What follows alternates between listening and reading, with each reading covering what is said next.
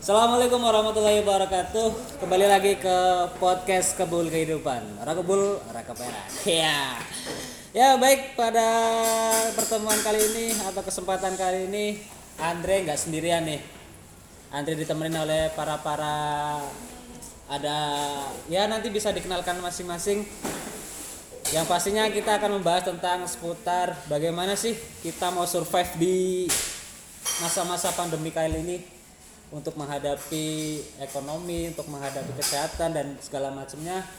Dan kita semoga berdoa saja, semoga baik-baik saja dan semoga ke depannya juga lebih baik dan lebih baik selamanya. Amin. Dan pastinya tak kenal maka tak sayang karena Andre nggak sendirian. Ya. Mulai dari sisi kanan Andre ada siapa nih? Monggo diperkenalkan. Ya, selamat malam. Kebetulan ini memang tidak sendiri, ada empat orang di sini. Ya, saya di sini sebagai tamu. Nama saya Anissa Bibi. Kebetulan memang profesi saya di bidang guru, yaitu mengajar. Ada di salah satu madrasah di Surakarta, tepatnya di Pasar Kliwon, di mana mengajarnya itu bentuknya seperti pesantren. Jadi kami mengajar itu bentuknya ada ilmu-ilmu agama seperti fikih, nahwu dan lain sebagainya. Yang mana sebelum adanya corona ini memang sistemnya yaitu per kelas. Jadi setiap hari waktunya setelah maghrib sampai isya yang mana itu ada 5 hingga 6 kelas dan itu di situ kami mengajar dengan berbagai macam pelajaran Ya. terutama di bidang ilmu agama kemudian setelah adanya covid ini memang sempat berlangsung dua minggu tetap ada proses pengajar Oke. belajar mengajar tapi karena memang kondisi dan mengharuskan untuk diliburkan Iya. ya maka mau tidak mau kami liburkan sampai waktu yang tidak ditentukan karena memang kondisi dan situasi yang tidak memungkinkan untuk adanya perkumpulan yang banyak orang Oke, ada Mas Habibi di sini itu sebagai profesi sebagai guru di madrasah Sunia Salafiyah Surakarta ya di Surakarta tepatnya ya. Terus ada lagi nih ah, di depan kita, di depan Andre nih ya sebenarnya. Kaku banget ya. Sokak Oke, ada siapa nih Mas? Bo, coba kenalkan dong biar teman-teman Andre nih juga pada tahu. Halo, halo. Perkenalkan eh, aku Habib. Habib Rizky. Wah. Eh, ntar ke depan ini panggil siapa nih? Rizky wae ya. Iya, oke deh Reski. Soalnya ada ada dua Habib nih. Oh iya. Eh, aku Rizky. Eh, sekarang fokus di kopi, gampangnya mungkin di industri kopi, di kopi shop gitu. Dan kalau ngomongin corona Mm-mm. eh, sangat berdampak corona di eh, industri kopi sendiri gitu. Ya. Mungkin itu dulu perkenalannya nanti bisa disambung lebih banyak lagi. Oke deh, Riz ada Mas Rizky yaitu apa tadi kopi? Ya, industri kopi di Industri Solo, kopi di Solo. Wah, ini te- bertepatan di Solo ya. Terus ada satu lagi nih, Super Big Boss ya. Yo imame. ada siapa di sini nih? Coba kenalin dong. Iya. Halo teman-teman, selamat malam semuanya. Eh, kebetulan saya Nail Gustaf. Di sini biasa dipanggil Nail boleh, Gustaf boleh. Tapi karena malam ini saya bersama Mas Andre, Wah, maka silahkan panggil saya sebagai Nail. Oke. Oke. Saya di sini sebagai eh, mungkin bisa disebut sebagai pelaku usaha ya, pelaku usaha. Eh, kebetulan juga eh, di Solo saya eh, sedang menjalankan bisnis kopi juga sama satu bidang dengan eh, Mas Rizky dan kebetulan di rumah juga eh, ada bisnis yang berkaitan dengan peluburan aluminium atau eh, aksesoris PLN yang berhubungan dengan listrik Wow. ya mungkin ya ya saya sebagai pelaku usaha kali ya mungkin itu dulu mas Ari ya. Oke deh, ada dua pelaku usaha dan juga ada satu guru nih. Kita beranjak ke profesi guru aja yang di mana di ah, ini merupakan juga salah satu program lebih cepat dari Menteri Pendidikan kita itu Pak Nadiem Makarin yang di mana wacananya kan dulu mau serba online nih nah serba online dan adanya corona malah dipercepat program beliau jadi ya bisa dikatakan diuntungkan juga nih Pak Menteri ya. Tapi untuk menanggapi itu dari segi eh, Mas Habib nih sebagai guru, apakah merasa terkaget-kaget atau terbebani atau gimana nih? Setelah ada keputusan untuk semua serba online dan nggak ada kegiatan tatap muka lah, nggak ada kedatang ke sekolah lah dan sebagainya gimana nih? Ya, jadi kalau memang yang diterapkan oleh Pak Menteri itu kan memang basicnya sekolah umum, Mm-mm. sekolah entah SD, SMP atau SMA. Ya, Tapi karena yang saya mengajar itu basicnya bukan sekolah, tapi basicnya madrasah. madrasah. Jadi yang namanya madrasah itu kan istilahnya pondok pesantren tapi segi kecil. Iya. Jadi memang ya kami nggak ada namanya untuk kajian atau sistem pengajar atau belajar mengajar lewat basis online. Nggak ada. Nggak ada sama sekali. Oh ya. Karena memang yang kita dapatkan kalau mau belajar ilmu agama memang harus ada namanya langsung tatap muka. Karena kalau lewat online atau lain sebagainya itu takut ada kesalahpahaman mungkin dari segi ucapan yang Sampaikan. disampaikan ya memang juga karena yang kita ajarkan juga rata-rata anak SMP hingga SMA Iya. dari madrasah itu dan juga butuh istilahnya sarana seperti papan tulis dan lain sebagainya untuk menjabarkan ya, apa yang kita ajarkan jadi ya memang untuk kami dari madrasah itu sistem belajar mengajarnya selama ada pandemi corona betul-betul libur total Libur total. libur total Ya terus kehidupan sehari-hari Mas Habibie sebagai guru kan mungkin ya nggak tahu ya kalau ada ekonomi yang masuk dari yang lain. Tapi kalau menghadapi situasi kayak gini kan Mas Habibie otomatis nggak kerja nih. Hmm. Lah, untuk untuk bias bisa bertahan hidup itu gimana? Nah, untuk masalah di luar sebagai guru, kebetulan memang ada kerja sambilan. Oh ya. Itu ada kerja urusan ya biasa kita orang pasar Kliwon urusan pabrik, kain dan lain Oh, sebagainya. Itu iya, ada iya. sambilan. Itu hanya sambilan tapi cuman tapi memang fokusnya ya kita memang di bagian pengajar. Cuman ya karena sistemnya ada di madrasah jadi betul-betul harus ada tatap muka. Jadi selama pandemi corona ini libur total. Libur total untuk guru madrasah. guru madrasah Itu madrasah di bawah Kementerian Agama ya, bukan pendidikan ya. Di bawah Kementerian Agama ya. Terus kalau Bang Rizky nih untuk menghadapi situasi kayak gini kan pasti terasa sekali nih. Iya nggak sih? sering pusing lah, sering mikirin apa gitu, cicilan atau apa gitu, atau biaya nikah gitu ya. dan dan pasti ya nggak nggak se se apa ya namanya nggak semaksimal mungkin ketika covid ini belum ada dan sekarang covid udah ada dan bagaimana sih cara bertahan hidup untuk seorang Bang Rizky yang hanya notabene dalam tanda kutip seorang industri kopi Oke. Mulai cerita nih. iya dong biar teman-teman juga tahu gimana sih rasanya Jadi eh, tempat aku kerja di Sekutu itu punya dua tempat coffee shop gitu Ya. di Solo. Sekutu sama Kelana. Itu sebelum ada corona lancar-lancar aja gitu. Dan kita yang bergerak di industri eh, food and beverage eh, Ramadan dan eh, Lebaran itu kayak gampangnya pas pas waktu puncak-puncaknya ya. panen tuh di situ gitu. Tapi karena ada corona, uh, terus pertama kali Solo ngumumin KLB, setelah seminggu KLB, tempatku yang kelana langsung tutup nih. yang kelana tutup yang sekutu belum Yang yang sang itu masih buka, ya kelana tutup, terus dengan mau nggak mau ada pengurangan karya, pengurangan karyawan gitu. iya pasti itu Jadi kayak selama proses itu ada banyak kejadian dan itu sedih banget gitu. sedihnya gimana kehilangan temen atau yang pasti kehilangan temen gitu. Ya.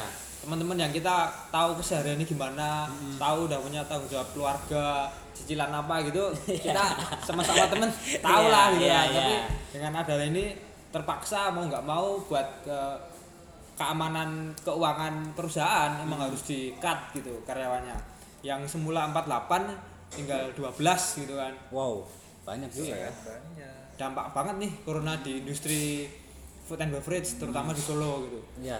itu kayak sampai parai kelara sampai tutup gitu kan. Hmm. terus dampaknya di yang sekutu Ya. kita buka cuma sampai jam 8 malam Mm-mm. gitu kan. Kayak yakin ki yakin nih. Eh, sebenarnya kan kita orang-orang Solo ngopi ini setelah maghrib gitu. Iya, habis biasanya. sholat habis sisa gitu kan baru kita Cari inspirasi kita dengan ngopi kopi. ngobrol di luar gitu kan. Tapi kayak, kayak ada KLB cuma sampai jam 8 harus operasional cuma sampai jam 8 gitu kan. Kayak bingung gitu. Kita mau buka dari kapan? Pagi sampai jam 8 gitu kan kayak Iya. yakin nih gitu kan. Ya itu kayak jadi uh, pelik juga kita sebagai di industri semua uh, bisa dibilang kalau bisa di Solo berdampak dengan itu Banget ya. nampak banget sih Tapi itu keputusan ada apa? ya? Kan pengurangan karyawan nih. Iya. Ada rembuk-rembuk bareng-bareng siapa yang diberhentikan, siapa yang dipulangkan atau itu udah keputusan owner.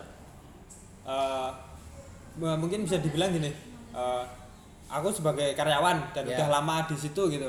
Dan bisa dibilang ketika ada perintah apa dari owner atau bos aku yang nyampein ke teman-teman gitu. Oh berarti Bang Rizky ini dipercaya sebagai cuma nyampein sih gitu. Oke, ya gitu. Terus kayak sebelum keputusan itu juga uh, si owner suruh aku yang milih. Siapa aja yang uh, yang buat stay di di kerja tuh siapa aja gitu Iya, iya. berat ya itu pengalaman banget buat aku pertama Wah. kali kayak harus milih orang yang mana buat stay gitu padahal aku tahu latar belakangnya temen-temen gitu Iya. kan berat banget tuh tapi ya mau nggak mau aku harus ngumumin dari 48 orang yang stay cuma 12 orang gitu kan Tapi kan kalau dari dilihat dampak ini kan pasti menurun ya. Eh, pasti secara konsumennya sales ya, Ah-ah. secara pendapatan omset per hari itu Iya. menurun banget Kalau boleh tahu apa Mas Habib tahu nggak omset sebelum ada corona ini dan setelah ada corona ini berapa Ah. kira-kira nih biar tahu. turunnya kalau mau di persen itu bisa sampai eh, 60 sampai 70 persen gitu Wow. ya kayak mungkin kalau diangkain gitu biasanya sehari itu omsetnya bisa 6 juta nih gitu 6 juta. Nah, nah, sekarang dengan ada corona dengan operasional yang lebih dipersempit cuma sampai jam 8 malam omset bisa sa- cuma 18 Wah. atau sampai 2 juta jadi kayak benar-benar berdampak gitu Ini buat Pusing ya. cash flow tiap hari aja juga susah gitu kan Aduh, aduh, aduh. pusing kepala sampai segitu kalau mau diangkain gitu. Oke deh, oke deh. Nanti dulu kita terusin Mas Habib, Mas Rizky. Maaf, Mas Habib tadi udah ya. Dan sekarang kita ke Bung Nail nih. Yo. Kan selaku pelaku yang punya owner nih, kan pasti kerasa banget deh. Gimana ceritanya? Eh, kesibukan sekarang juga ngapain aja? Eh, kalau saya sendiri sebelum ada pandemi emang kebetulan eh, di Solo lagi ngejalanin bisnis coffee shop ya.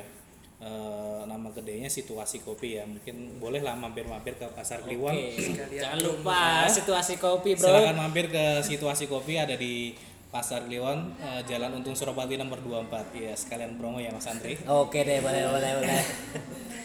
eh ya untuk saat ini kesibukan saya masih seperti biasa ya ngerunning bisnis yang ada di Solo eh karena juga bisnis ini masih saya rintis masih baru-baru saya juga masih sibuk untuk ya istilahnya ngebar lah ngebar di sini lah ini kan pandemi mulainya sekitar pertengahan tanggal 20-an Maret ya kalau nggak salah Iya. di, di Solo KLB-nya 20 berapa gitu saya lupa. Nah itu eh, waktu itu emang keadaan situasi bisa dibilang ya lagi naik-naiknya banget.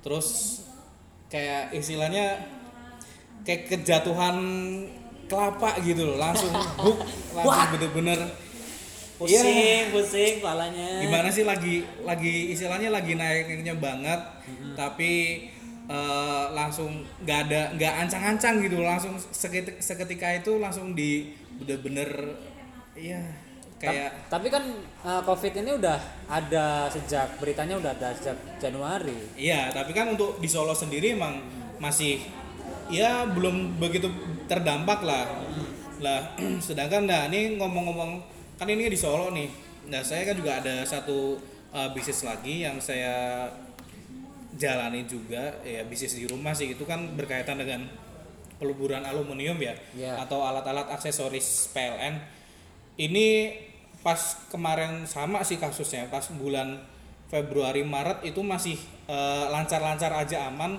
Lah ketika di Jakarta itu diumumkan PSBB pas bulan apa berarti? April ya?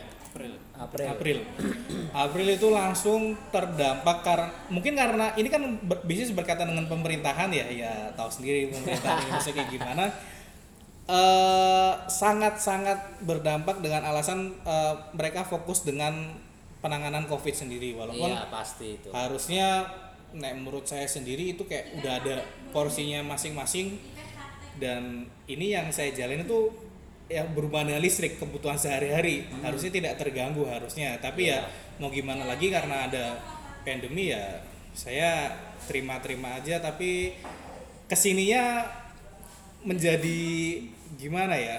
Ya sangat sangat susah lah karena eh sudah beberapa tagihan juga belum dibayar. Malah curhat.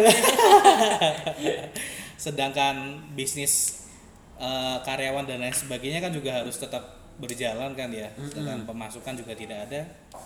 Ya ini ya sekarang masih be- berusaha survive aja sih untuk sampai belum tahu nih sampai kapan gitu mas Andre Oke deh. Oke, tadi udah dengerin eh, curhatan-curhatan teman-teman ataupun hasil yang diperoleh atas dampak COVID-19 ini ya yang dirasakan itu entah itu pengurangan karyawan menjadi nggak ada kegiatan dan cicilan-cicilan menumpuk dan tetap Betul. harus jalan Oh ya, gitu sama satu lagi. Saya itu orangnya nggak bisa terlalu lama berdiam diri ya. Sekarang kan ada kayak pembatasan ruang lingkup gitu. Kayak jiwa saya tuh meronta-ronta tuh nggak teman-teman?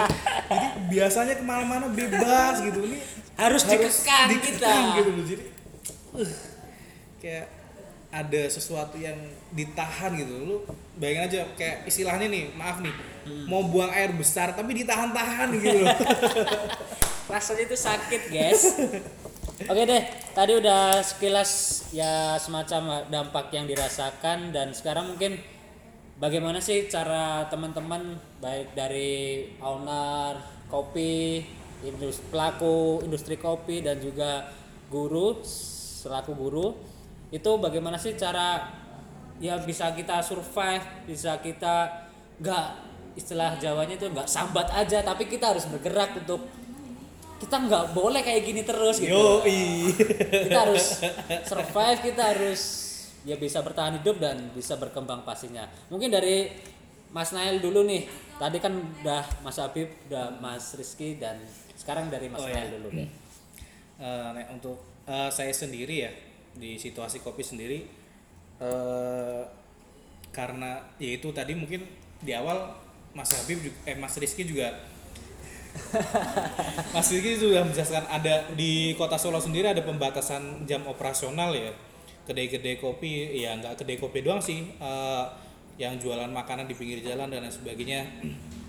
Itu batasnya jam jam 8 dan bahkan juga nggak boleh ada dine in nggak boleh ada dine in itu peraturan dari pemerintah sebenarnya seperti itu.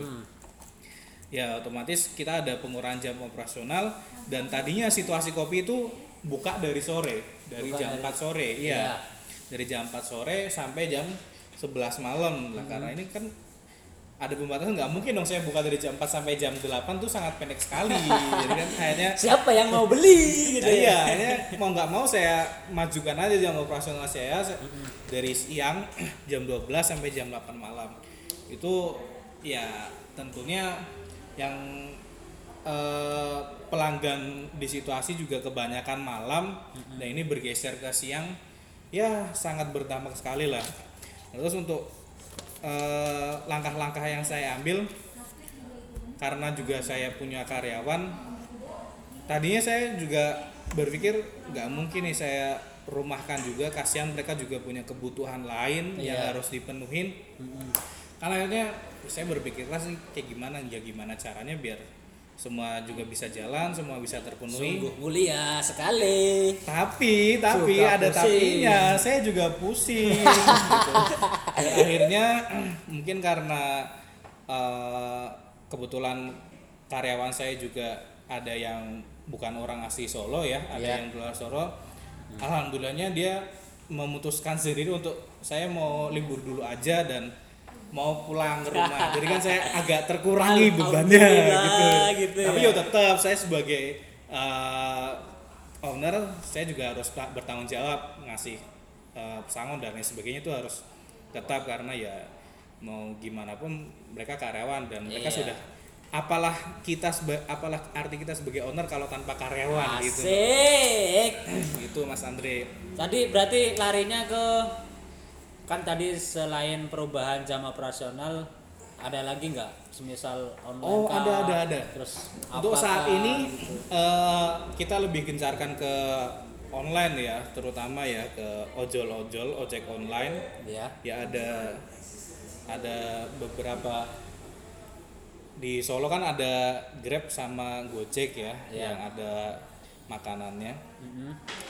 Kita lagi gencarin di situ dan untuk terakhir-terakhir ini sih menjelang puasa kita ngeluarin ya pokoknya produk-produk yang kira-kira lebih dibutuhkan.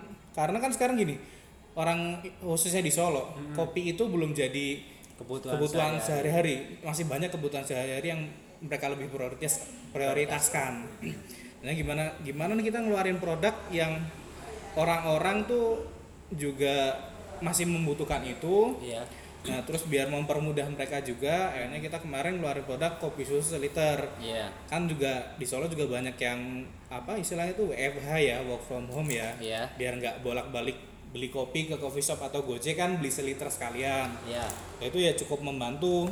cukup dan itu lumayan laris atau bagaimana ya lumayan, alhamdulillah. eh, ya membantu lah untuk bulan kemarin itu ya bisa dibilang ya hampir 50% terbantu dari situlah dari kopi seliter itulah. Hmm, oke deh. Gitu. berarti tadi selain online juga ada inovasi lain terhadap produk ya? Ya, karena untuk saat ini kalau kita nggak berinovasi, kita akan ya tahu sendiri lah. zaman Nah, pasti.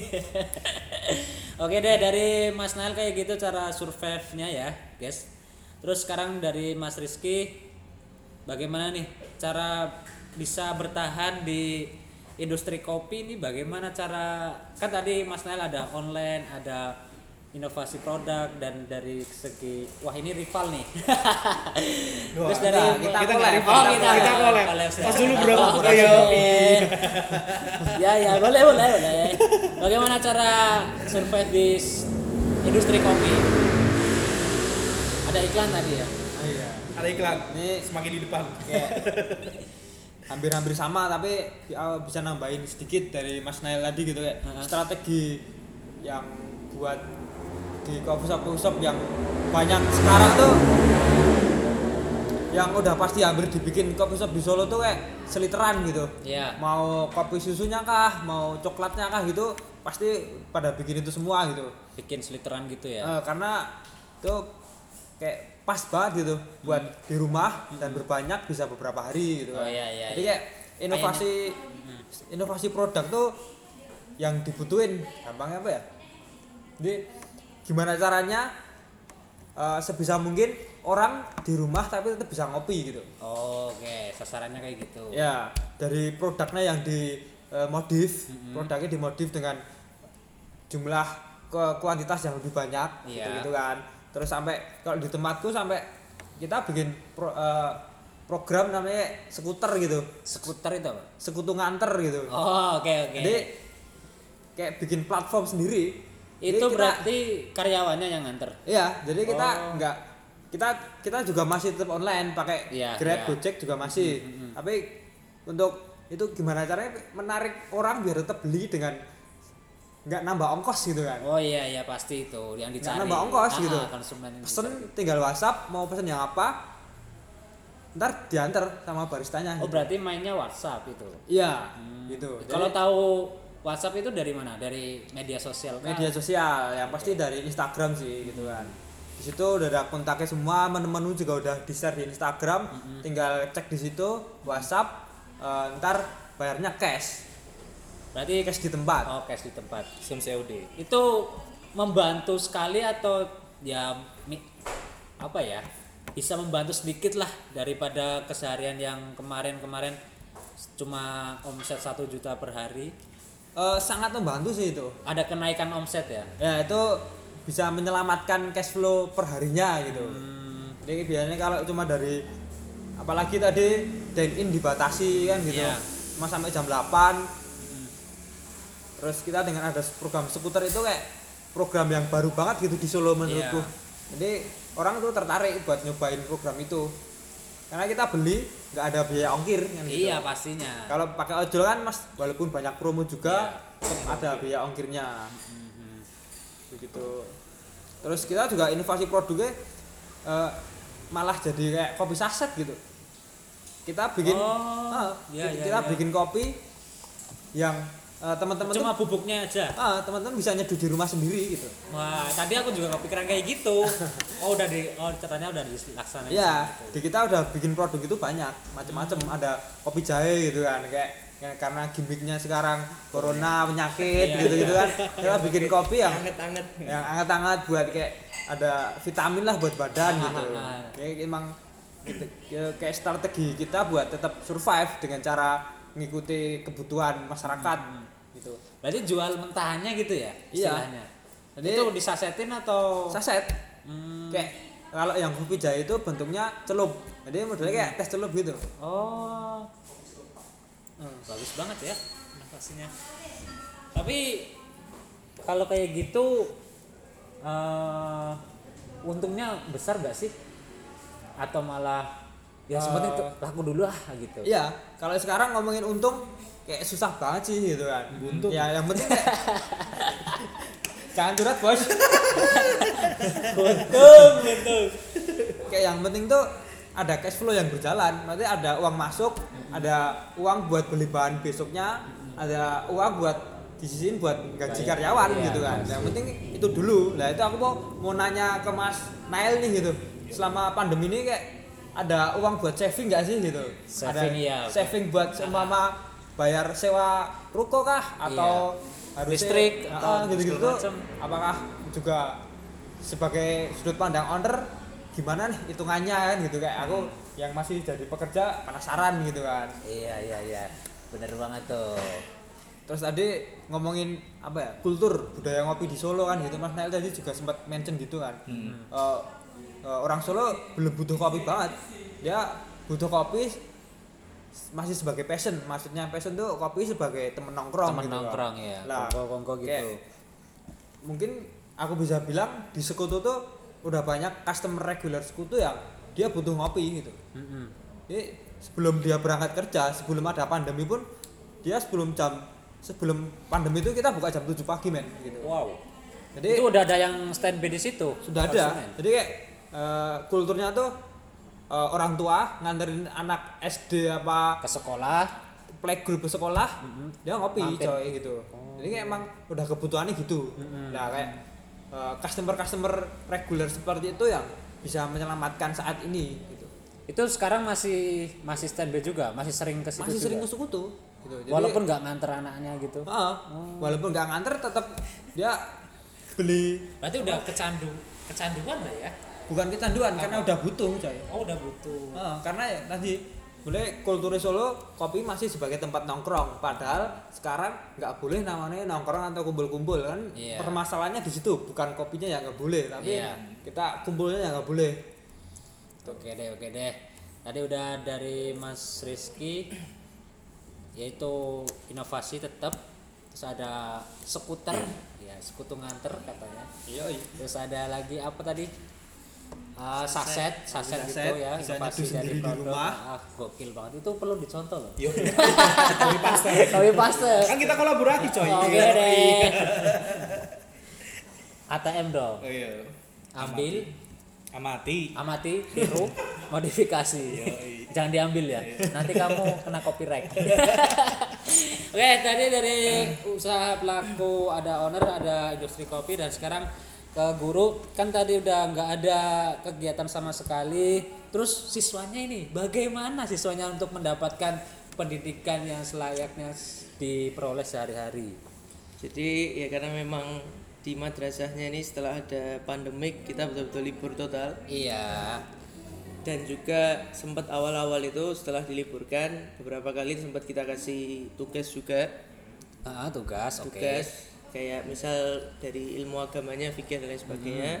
Tapi karena juga ada efisien iya. Istilahnya ya namanya anak SMP SMA itu ya pada masanya kan ya kalau kita bilang kan masanya pubertas istilahnya iya. dia lebih asik dengan dunianya sendiri. Hmm, pasti itu. Jadi ya itu hanya berlaku mungkin 2 sampai tiga minggu kita beri tugas habis itu nggak efisien.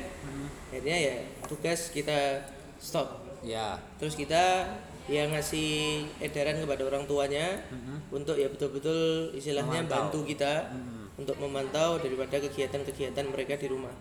Terus cara mereka siswa ini mendapatkan pendidikan dari guru bagaimana? Kan tadi udah disampaikan nggak ada, ada, sama ya. sekali jadi ya memang atau ada YouTube kah atau ada Instagram atau apa gitu yang bisa membantu menyampaikan pendidikan? Jadi jadi ya kita itu kasih beri surat edaran kepada orang tua. Ya saya untuk tetap selalu memantau mereka juga kita berikan mereka sumber-sumber sumber-sumber bacaan atau? sumber-sumber bacaan dan sumber-sumber audiovisual. Oh berarti mainnya ke grup gitu? Ke grup ya. Itu nanti bisa lewat YouTube ada kita kasih narasumber yang valid masalah ilmu agama untuk anak-anak SMP sampai SMA. Iya. Atau juga kita beri artikel-artikel dari Google yang valid juga. Sama kita berikan juga audio-audio yang memang valid daripada sumber-sumber yang kita sudah cek satu persatu. Oke. Berarti nggak ada kayak semacam tes ujian kah? Terus atau bagaimana untuk nanti prosesnya kenaikan kelas atau bagaimana gitu? Nggak ada? Jadi ya Tetap nggak ada. ada tetap tetap jadi mungkin memang untuk ajaran tahun ini mungkin memang nggak pakai ujian dan juga mungkin memang nggak ada kenaikan kelas. Karena memang apa muridnya atau madrasahnya itu memiliki kurang lebih murid atau santri hampir mendekati 200 200. 200. Itu satu angkatan atau? Itu ada enam angkatan. Enam angkatan? ada enam angkatan. Jadi 200 pengajar itu kurang lebih 10 ke bawah. 10 ke pengajar bawah. cuma 10 jadi satu kelas tuh rata-rata bisa sampai 20 itu ya tergantung dari kelas-kelas yang diambil dan juga Itu ada yang mukim nggak sih siswanya? Nggak ada. Semua di rumah? datang maghrib sampai isya kemudian pulang ke rumah. Oke deh. Berarti ya tadi dari online, dari YouTube, dari grup WhatsApp, grup WhatsApp dan lain sebagainya jadi ya media di saat ini mungkin memang membantu. Ada lah nanti kalau ada guru piket nggak sih? Kalau kayak gitu? ada. Kita tetap ada per minggu tuh dibagi untuk yang ngurus daripada masalah administrasi kemudian masalah buku-buku juga masalah konsumsi. Iya. kita juga pakai konsumsi dan sebagainya. Itu Konsumsi ada untuk? Jadi kita tuh setiap hari Jumat Iya. itu ada setiap hari Jumat tuh dari enam kelas dikumpulkan jadi satu. Kemudian di situ nanti dibahas satu kitab yang bahas tentang ilmu agama khusus. Iya. nanti setelah itu makan bareng. Nah itu khusus setiap hari Jumat. Itu yang makan bareng siapa? semua santri beserta pengajar. Dibagi-bagi. ada jadi kayak satu satu apa? Satu nampan besar gitu Enggak, ka- kan sekarang nggak boleh gitu. sekarang enggak Sekarang. libur Oh dulu gitu. saat itu sekarang setelah ada pandemik libur total Berarti cuma mengandalkan YouTube dan segala YouTube. macam gitu ya. hanya media-media yang membantu Terus nah, itu kalau boleh tahu siswa ada SS, SPP atau ada kita pakai SPP ada Nah, sekarang musim kayak gini di rumah kan stop stop berarti. stop Wah, nggak ada kegiatan ya bayar pun SPP kita stop semua Harusnya cicilan juga gitu ya. nggak bisa. Nanti bagaimana? Nggak ada pemasukan bos. Tapi ya riskan banget ya kalau semuanya guru honorer kayak gitu dan pokoknya itu hanya satu-satunya sebagai mata pencaharian eh malah di stop wow banget gitu ya tapi yayasan sempat memikirkan hal itu enggak sih iya sempat sempat karena kan kita nih madrasahnya ini cabang dari pusatnya tuh di Pasuruan. Pasuruan ya. Nah, kita cabang kemudian si pemilik madrasah ini si guru-guru kita Ustadz Muhammad bin Husin tuh sempat istilahnya rapat ngomong sama pemilik di Pasuruan. Iya. tapi karena memang keputusan karena di Solo waktu itu KLB dan lain sebagainya. Sedangkan kita tuh kalau sekalinya istilahnya ada sistem belajar mengajar itu ya yang datang rame. Iya. motor terlalu banyak. Banyak pasti. karena ya pusatnya kan di situ. Akhirnya ya mau nggak mau saya diliburkan. Kegiatan belajar mengajar di stop. SPP juga di stop. Oh, berarti muter otak banget itu ya setiap gurunya ya. Bagaimana nih bisa ngidupin anak istri dan segala macem ya. Oke deh bisa nanti kita bahas lebih lanjut. Tapi sebelum itu kiranya apa sih yang bisa diambil dari uh, kejadian ini pandemi ini dari COVID-19 ini entah itu social distancing, physical distancing, terus ambruknya perusahaan dan ekonomi hancur merat-marit. Bagaimana sih uh, kita bisa menyikapi apa sih yang bisa diambil dari kejadian ini? Mungkin dari Mas Habib nih selaku guru ya. Apa sih bisa yang diambil dari pelajaran COVID-19 dan situasi pandemi kayak gini?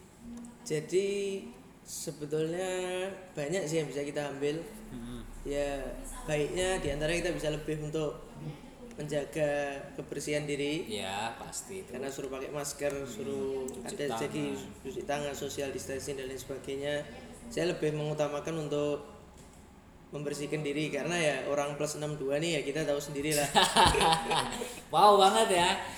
Oke deh, ya kita tidak boleh nunjuk orang lain sih cuman ya kita harus diri kita sendiri harus sadar.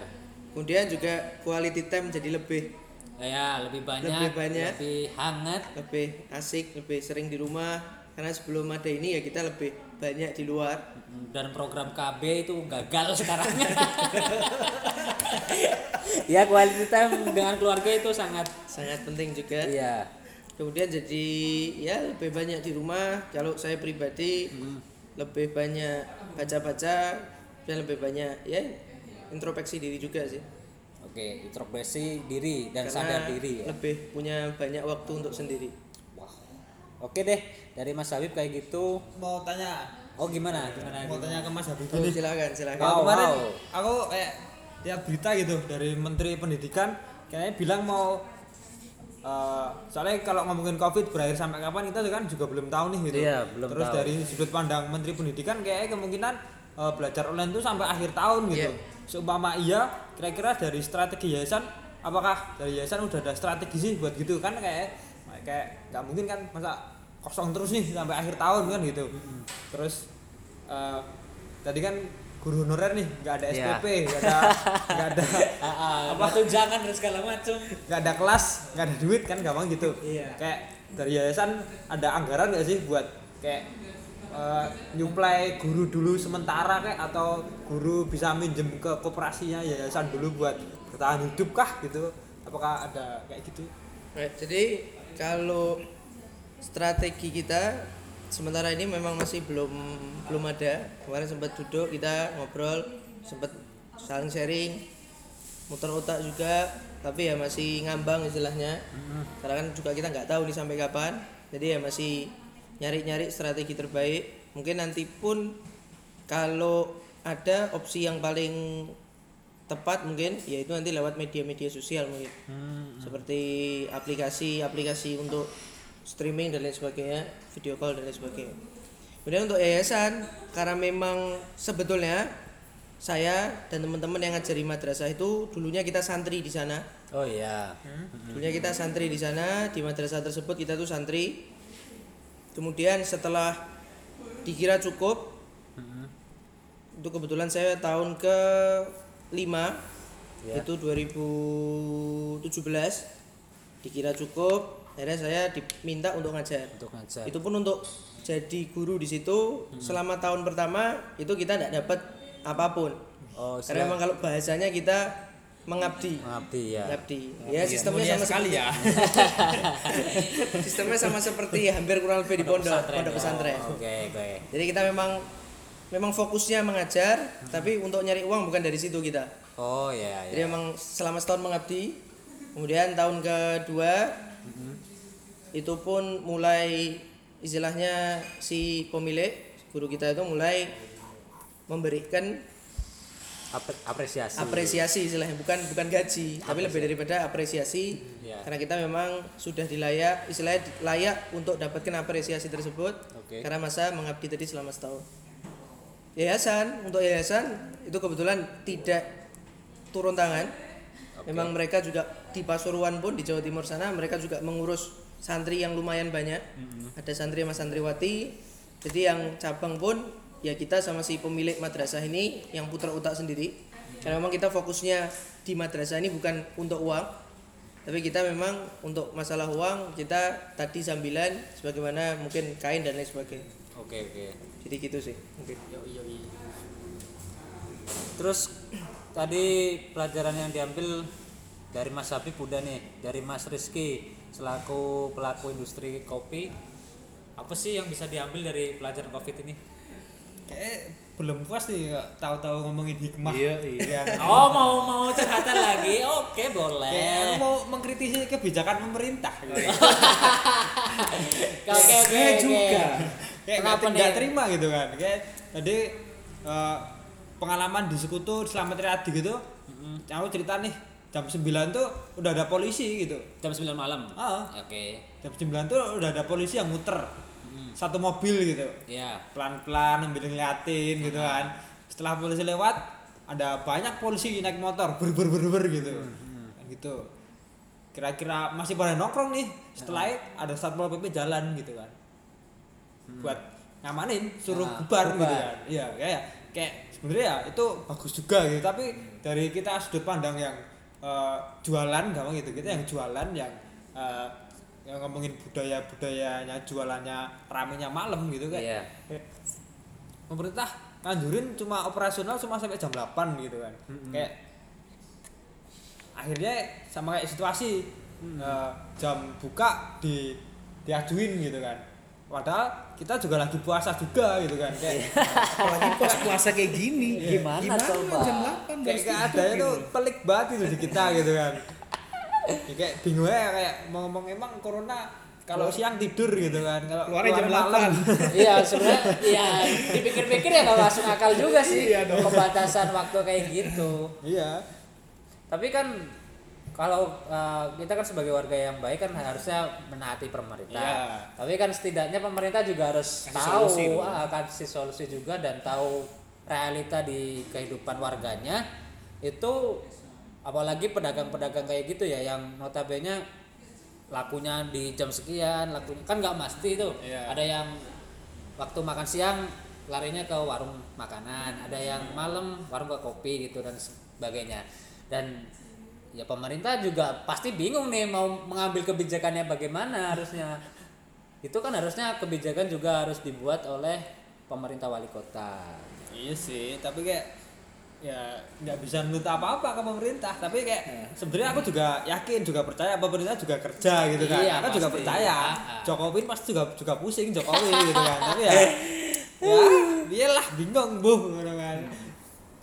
Tapi ya bener sih kata apa Bang Rizky ini soalnya eh ya gimana ya untuk saat ini eh, saya sendiri sebagai pelaku usaha emang bukannya udah nggak percaya sama pemerintah tapi kalau kita nunggu dari pemerintah sendiri tahu sendirilah apa pemerintah sudah kerja cuman ya emang mungkin mungkin saya yang belum merasakan dampaknya mungkin gitu nggak tahu nih pihak lain mungkin sudah merasakan dampaknya gitu ya Iya, iya. tapi untuk saat ini emang eh, menurut kurang kurang rata.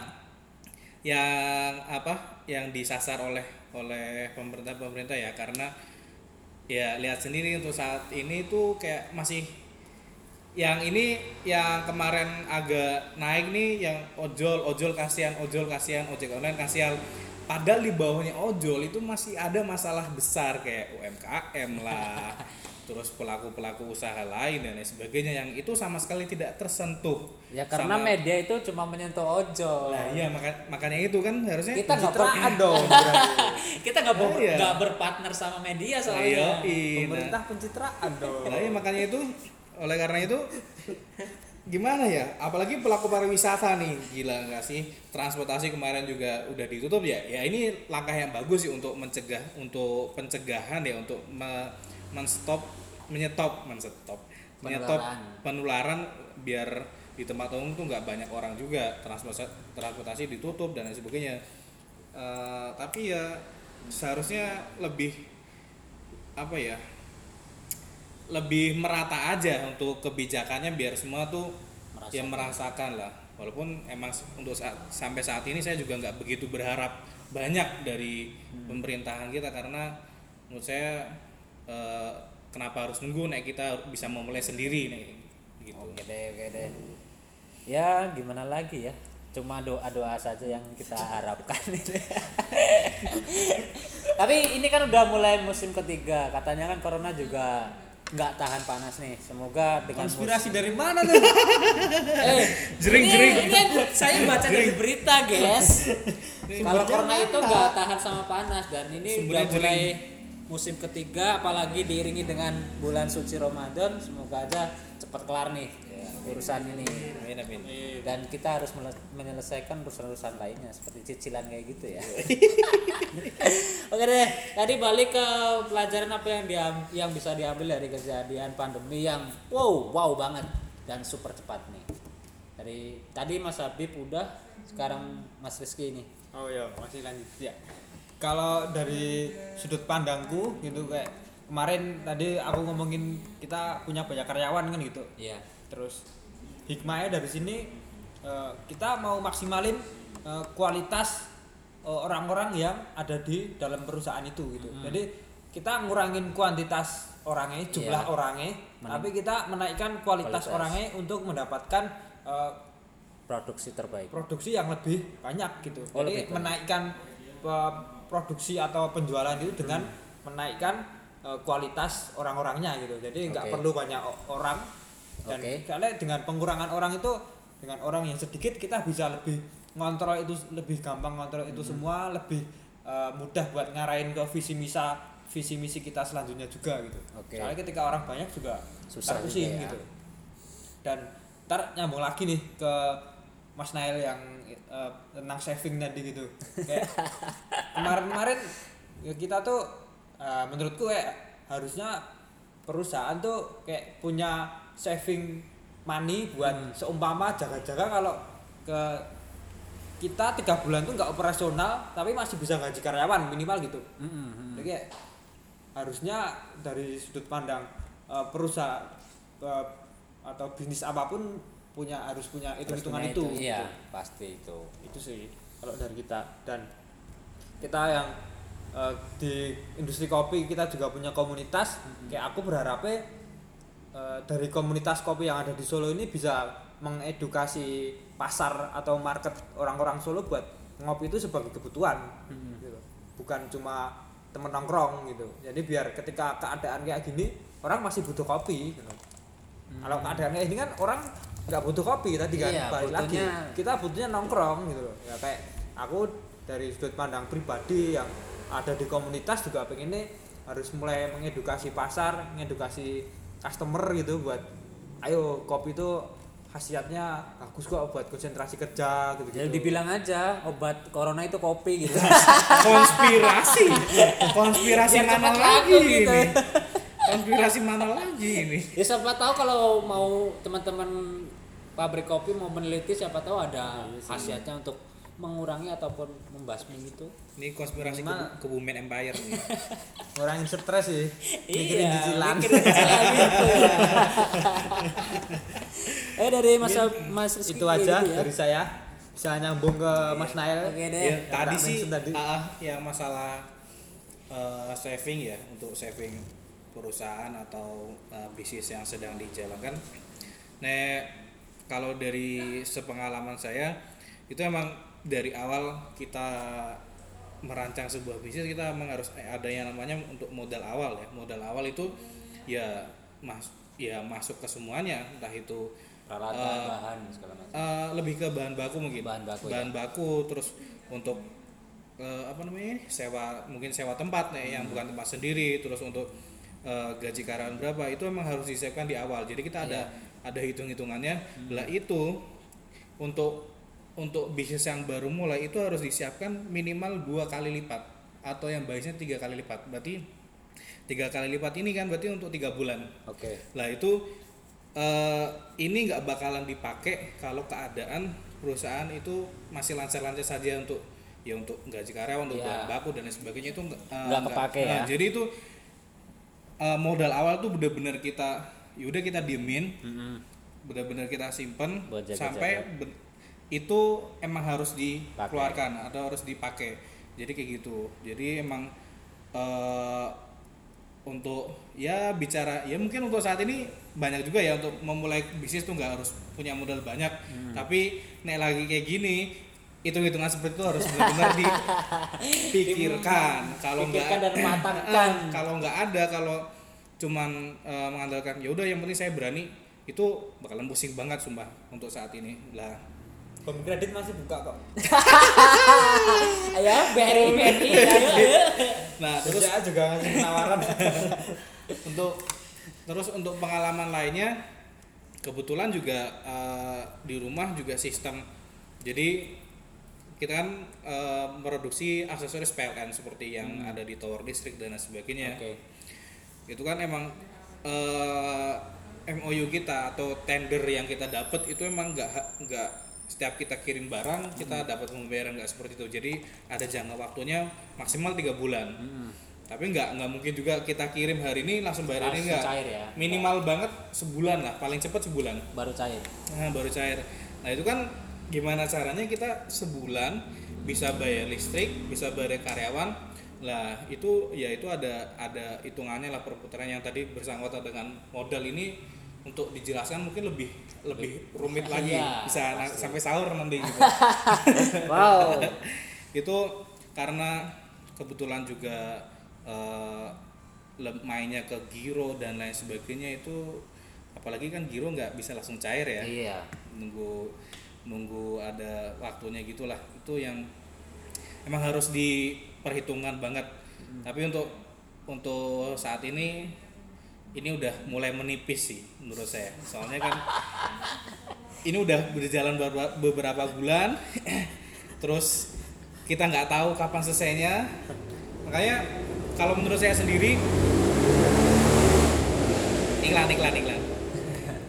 Menurut saya sendiri nih eh, pandemi kayak gini kita nggak tahu nih kapan selesainya. Ya walaupun Iya. dari media-media diberitakan Mei akhir atau Juni atau mundur lagi September ntar mundur-mundur terus. Ini nggak nggak tahu. Eh, menurut saya orang-orang yang sekarang nih yang yang tadinya tuh di awal tuh sambat ya kayak kita kita lah. Kita kan apes baru baru pandemi tutup dan lain sebagainya Ah, ah. sambat banget dah. Nek saat ini kayaknya bukan waktunya kita sambat lagi tapi gimana caranya kita putar otak eh, di tengah pandemi kita masih dapat eh, penghasilan masih bisa masih bisa nutup sana sini tuh kayak gimana caranya ya biar lebih ter otak nih biar lebih berputar lagi nih berputar lebih keras. Jadi eh, ya namanya usaha ya namanya namanya pengusaha tuh kayak cobanya dari mana aja tapi kayaknya cobaan yang ini kayak langsung aja ujuk-ujuk gitu nggak ada ancang-ancangnya. Terasa berat sekali. Tapi yang bisa diambil dari kejadian ini apa sih? Yang diambil sih eh, saya sendiri karena saya juga kebetulan bukan orang asli sini jadi ya nggak bisa bilang lebih dekat dengan keluarga ya mungkin teman-teman di sini bisa Oke, bilang oke, oke. saya lebih dekat dengan kasur kosan kayaknya Tapi kan pasti ada hikmah di Ada, ada, balik ada. suatu kejadian. ada gitu. ya terutama kayak eh, di bisnis ya kita harus bener-bener Kayak otak lebih dipakai gitu ya. Pakai buat hidup. ya kayak eh, emang harus semuanya tuh nggak bisa harus modal cuman berani untuk untuk memulai doang tapi harus dipersiapkan kan ke- hal-hal kayak gini yang sebelumnya tidak terduga itu kan kalau kita nggak ada persiapan Nggak kita eh, juga. sama langsung amsyong kan langsung buntung nggak untung lagi langsung buntung ya kan terus eh, hikmah yang lain ya apa ya mungkin awalnya kayak aku mikir wah corona nih apa yang bisa saya ambil hikmahnya dari sini ya? Nggak ada. Soalnya aku mikir ini kayak gini banget apa nggak tahu. Di rumah juga kacau di sini juga kacau kayak gini. Ya itu mungkin sisi manusiawi saya yang lebih ke duniawi duniawi Ya, dan mikir namanya gitu kan juga ya. manusia. iya. Tapi di sisi lain mumpung ini ramad momennya juga ramadan juga ya kayak ke- saya punya waktu lebih untuk lebih ke Beribadah eh, gitu. beribadah lah. Ya Masya enggak enggak enggak kan? Coba bayangin nih kalau nggak ada ini diambil sisi positifnya ya nggak ada Ya. pandemi kayak gini masih situasi masih buka seperti biasanya masih rame-ramenya. Saya juga nggak tahu habis buka kan pastinya Ramadan ada taraweh kan ya.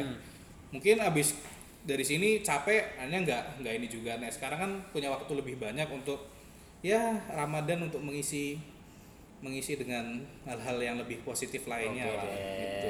Yoi pencitraan cuy. Nggak apa-apa yang penting kita harus ya di segala sesuatu kan harus dijalani dengan niat dulu.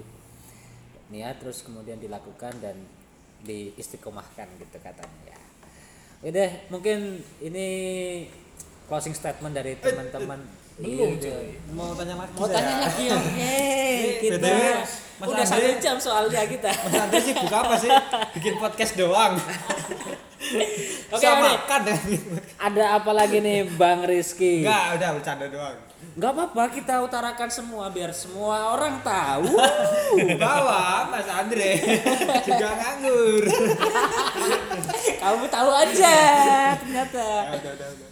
Enggak, aku cuma uh, bagaimana ataupun apakah teman-teman itu punya harapan dan mungkin bisa diutarakan harapan teman-teman apabila ya ke depannya mau gimana gitu harapan teman-teman mungkin close sebagai closing statement pembicaraan kita kali ini Ya.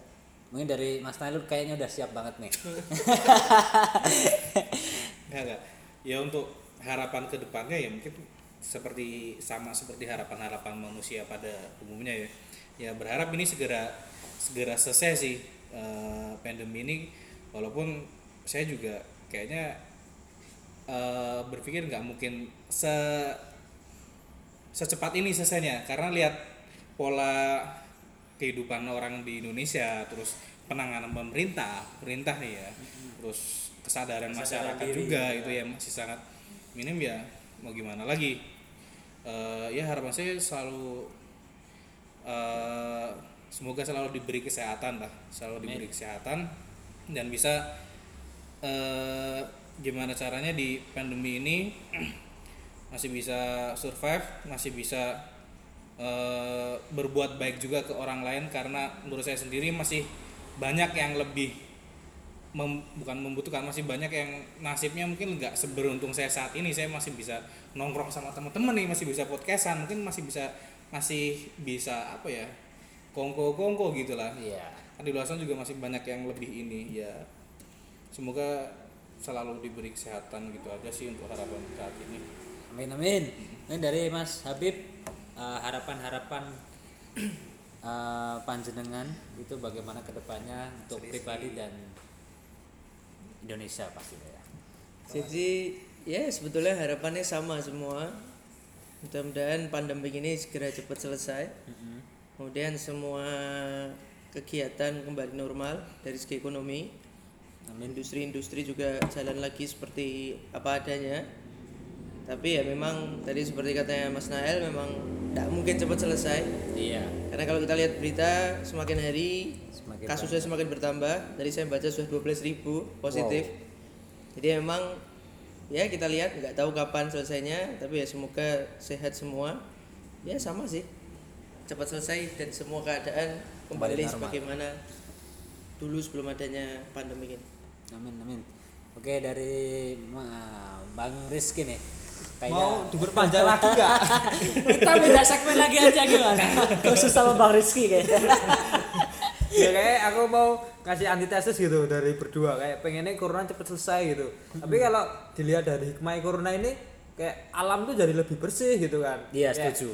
jadi eh, memulihkan kembali. Iya hewan-hewan juga jadi lebih ceria gitu. Aku kayak rasanya ngelihat eh, apa yang terjadi di berita tuh kayak hewan-hewan kayak seneng gitu. Sampai tidur di jalan. Iya kayak mana jadi kayak Jumanji gitu pada ke jalan ke kota kan ya mana gitu kayak kayak sebenarnya yang bener yang mana sih? Emang eh, ya harusnya corona tuh cepat selesai. cepat selesai atau emang gini sih gitu? Karena kalau kita nggak egois dari sudut, sudut pandang hewan gitu laut juga jadi bersih kan nggak ada yang operasional kapalnya gitu gitu kan. Jadi Buang sampah dan ntar ya bisa apa di podcast selanjutnya kalau Oke. tentang itu. Siap, siap, siap. setuju saya. Tapi kalau harapan-harapan pribadi gimana nih? kalau dari harapan pribadi saya yang masih eh, bisa dibilang pekerja atau buruh gitu kayak kemarin tuh masih eh, nyaman banget dengan apa yang tak kerjain gitu. Kayak eh, gampangnya dari segi pendapatan gitu. Aku kayak udah yakin banget nih dari eh, tempatku kerja ini aku udah nyaman dengan gajiku gitu. Ternyata dengan adanya corona wah hancur seketika ya dari situ aku mikir tertimpa bom. berarti aku nggak boleh terlalu nyaman di tempat sekarang dan aku harus dari segi hitung-hitungan aku harus punya kayak beberapa masukan gitu kan. Harus udah mulai mikir mungkin bisa dibilang wirausaha sendiri gitu gitu kan. Itu sih. Harus nantinya harus mulai udah mikir gitu. Berarti udah buat kepikiran ke depannya bagaimana? ya pasti sih itu. Jadi, kemarin terlalu nyaman besok ke depan harus lebih nyaman. lebih nyari zona nyaman yang lebih gede mungkin. Ini tadi. Eh, THR gimana nih? Oke deh, ya, cukup sekian pembahasan kita kali ini. Mungkin kita bisa lanjut di next session selanjutnya. Dan tetap pantengin terus podcast Pul Kehidupan. Kehidupan. Dadah, assalamualaikum warahmatullahi wabarakatuh. Terima kasih.